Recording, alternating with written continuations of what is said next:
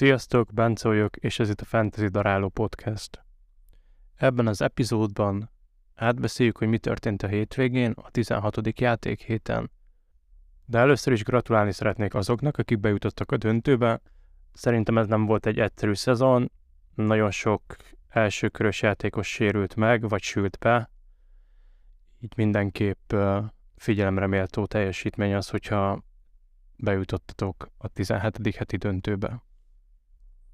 Na de hogy is alakult ez a hétvége? Pár játékos, aki hogyha csapatodban volt, akkor nagy valószínűséggel nem jutottál be a döntőbe.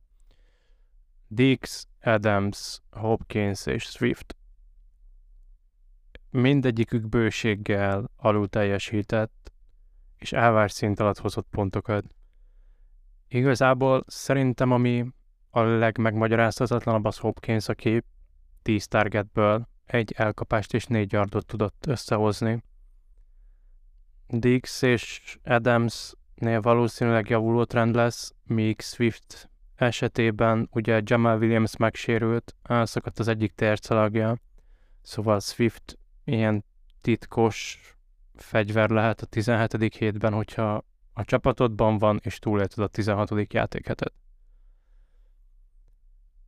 Pár név, akik viszont szerintem az elvártnál, vagyis a projektátnél mindenképpen jobban teljesítettek, az TJ Hawkinson az egyik, aki értetetlen módon Titan 1-es szintet hozott, tehát hogy nála nem volt több pontot hozó Titan, de még játékos sem a héten.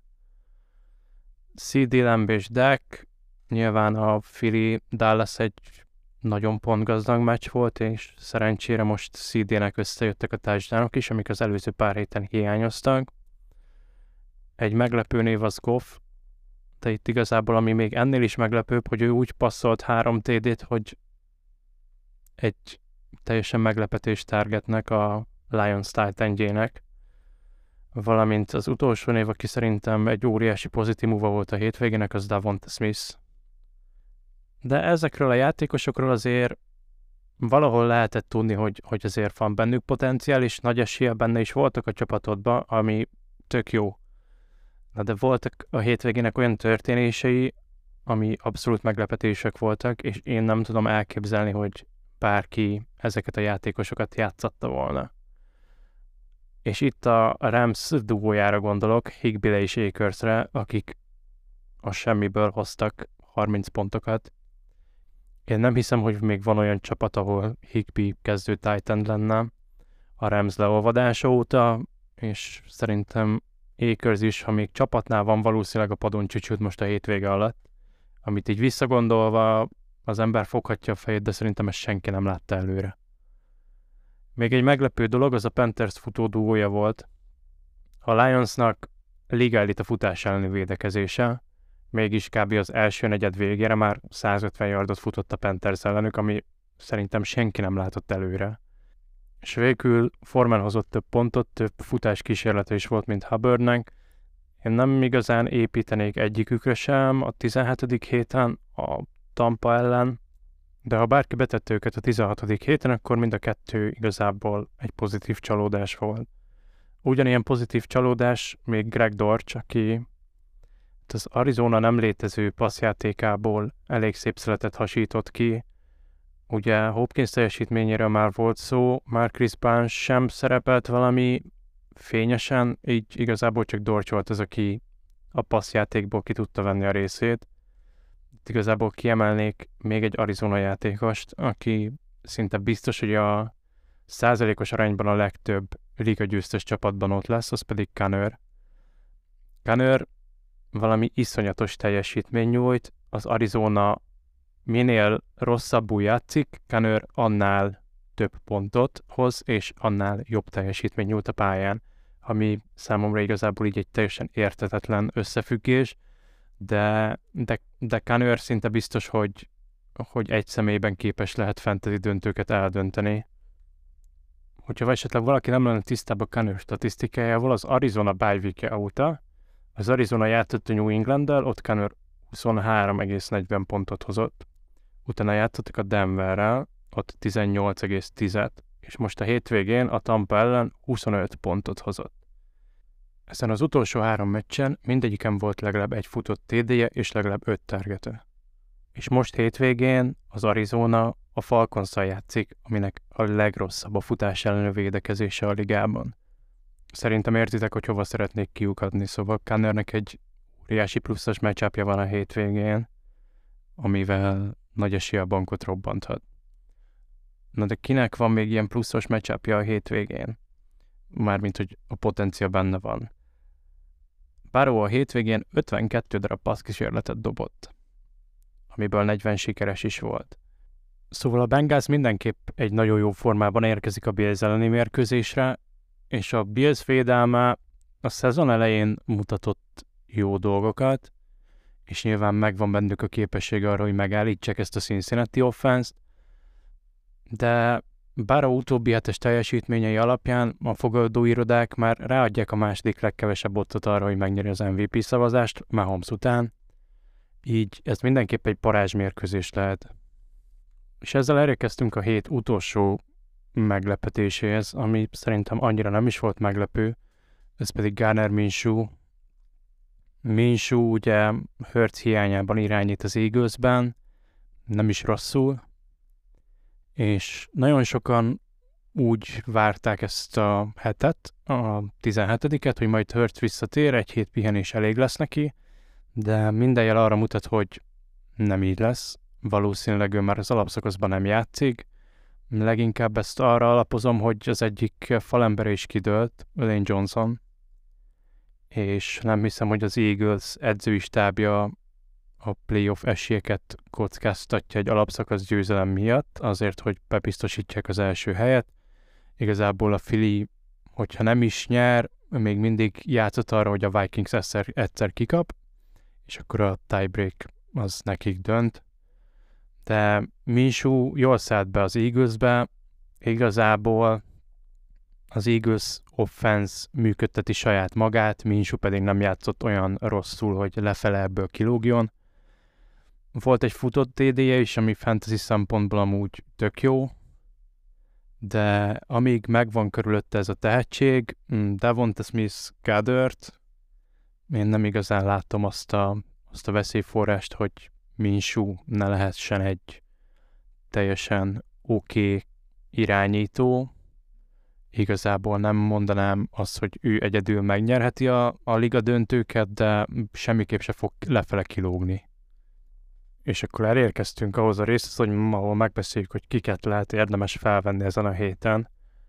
Nyilván itt már igazából két csapat érdekelt, és én nem vagyok annak a híve, hogy ilyen óriási dolgokat meg kell változtatni egy döntőbe jutott csapaton. Nyilván lehetnek gyenge pontok, amiket, amiket lehet javítani, és ezekre egész jó, jó opciók vannak szerintem jelenleg Véveren. Az első ilyen opció a Falcons futója Taylor Algier, és igazából szerintem itt magáért kéne beszélni a névnek. Az elmúlt időszakban abszolút RB1 a saját csapatában. Passzjátékba bevonják, amióta nem Mariota irányít. Egyébként a csapat egyre többet passzol, és egyre sikeresebbek is a passzjátékok abszolút kiszorítani látszik Cordell patterson ő futja többet, ő kapja több targetet. Igazából most a hétvégén is volt három 10 yardoson belüli próbálkozása, szóval a touchdown csak egy kis balszerencse miatt nem jött össze, de így is hozott PPR-ban 11,5 pont környékét.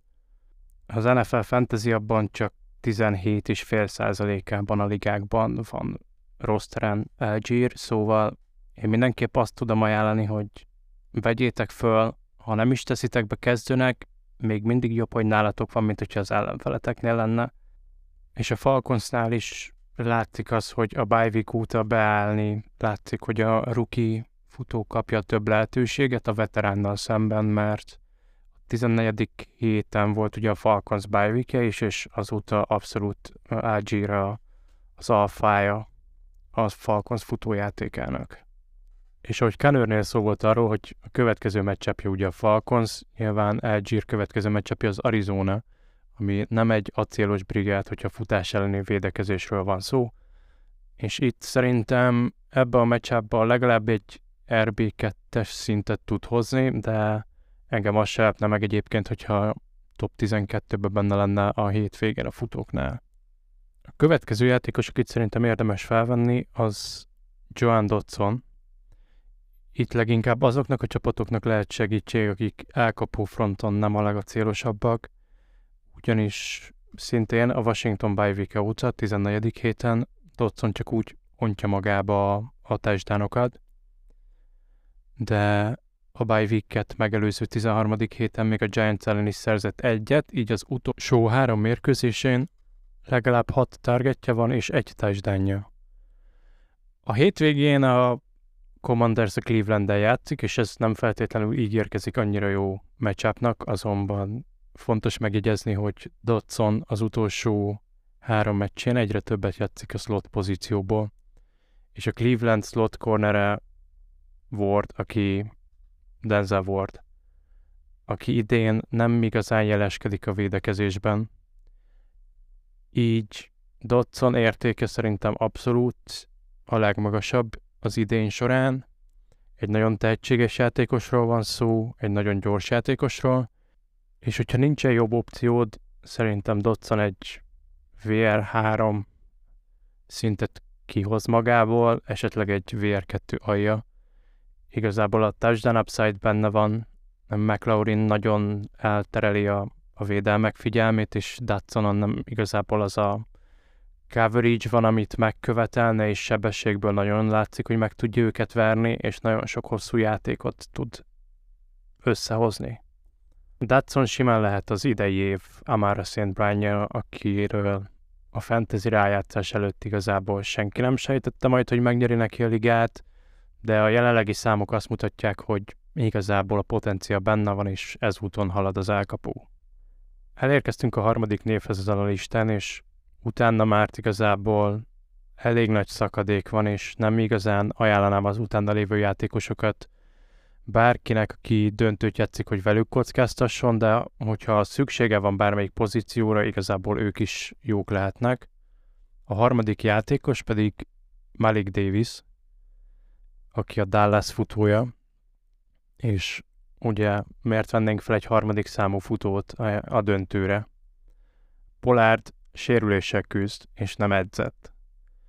Ami azt jelenti, hogyha ő nem tud játszani, az elkapásai valaki másé lesznek, és a Dallas nem fog csak egy futóra visszatérni, tehát nem lesz az, hogy addig etetik Zeke-et, amíg Zeke bírni képes és a világból kifut, hanem kell valaki, aki átveszi Polár szerepét, és erre Malik Davis tökéletes. Davis is egy kicsit kockázatosabb, mint Algier vagy Dodson, de ha Polár nem játszik, én abszolút látom benne azt a potenciát, ami mondjuk tavaly Boston Scott volt, hogy a döntő hetén a semmiből előkerül, igazából harmadik számú futóként fantasy ligákat tud eldönteni. De itt tényleg nagyon fontos követni a Dallas Beat Reportereket, hogy Pollard edze, nem edz, mennyit edz, valamint az, hogy képes-e a meccsen játszani. Na és akkor elérkeztünk azokhoz, akik igazából meglepetések lehetnek most a 17. héten szerintem. És az első név, aki mindenképp szerintem a legnagyobb eséllyel okozhat meglepetést, az Khalil Herbert. Ugye a Lions védelme egészen a múlt hétig liga elit szinten állította meg a futást, és valami borzasztó módon védekeztek a Panthers ellen, és nagyon sok yardot engedtek nekik, és akkor ez a meccs után érkezik meg Justin Fields és a Bears, akik rettentő mennyiséget futnak, és egyébként effektíven hagyják végre a futást. Így Herbert szerintem mindenképp egy flex play lehet. Láthattuk, hogy a Panthers mindkét futója jó hetet tudott produkálni a Lions ellen. Herbert egy szerintem sokkal tehetségesebb futó, mint akár Foreman vagy Hubbard. Így, hogyha a csapatod meg van szorulva, és kellene egy flex játékos, vagy egy második számú futó, szerintem Herbert egy oké okay play lehet, igazából nagyon alacsony a padlója, és kb. a csillagoség a teteje. És szerintem a következő játékosról is ezt tudom elmondani, aki Richie James Jr. ő a Giants most a, az Indivel játszik, az Indinek hasonló problémái vannak, mint a Brownsnak. Azt leszámít, hogy az Indi slot cornere ugye Kenny Moore volt, aki egyébként parádésan tudja ezt a pozíciót játszani, de a sérülés óta nem igazán tudja az Indi megoldani itt a védekezést, és Richie James Jr. játszik a legtöbbet itt. De a Giantsből kiindulva simán lehetséges az, hogy Hudgens vagy Slayton meccse lesz a következő, ugyanígy slotba, és Richie igazából semmit nem fog tudni csinálni, és nulla pontot hoz. Szóval én itt mindenképp fenntartásokkal kezelném őt, és megpróbálnám Dodson-t összeszedni, hogyha lehetséges, mert az idei Giants-ben mindig benne van az, hogy Daniel Jones megtartja a labdát, és igazából ő szerez TD-t, vagy, vagy bárkit futtatják. És hogy adjak pár tippet más pozíciókra is, itt az irányítókkal kezdeném, szerintem a legbiztosabb irányító, akit össze lehet szedni jelenleg Weaverről, az Pördi. Igazából ő egy nagyon stabil alappal rendelkezik, ami egy ilyen 15 pont kb. Mert itt a 49ers offense, ahogy Minsunál is igazából megoldja saját magát, nagyon tehetségesek körülött a játékosok. Kitől Debo, hogyha játszik, és McAfee is rettentő sok yardot bele tud tenni mindenben elkapás után, így az irányító statisztikája is csak javul. Tőle nem igazán várnám azt, hogy ilyen 30 pont feletti hetet tudjon hozni, de, de arra tökéletes, hogy, hogy ne rajta menjen el a, az eheti meccsünk. Hogyha tudjátok, én itt is javaslom azt, hogy egyébként Minsú sokkal jobb választás lehet, mint ő, hogyha még kint van Véveren, és a Hertz tulajdonosa nem szedte össze.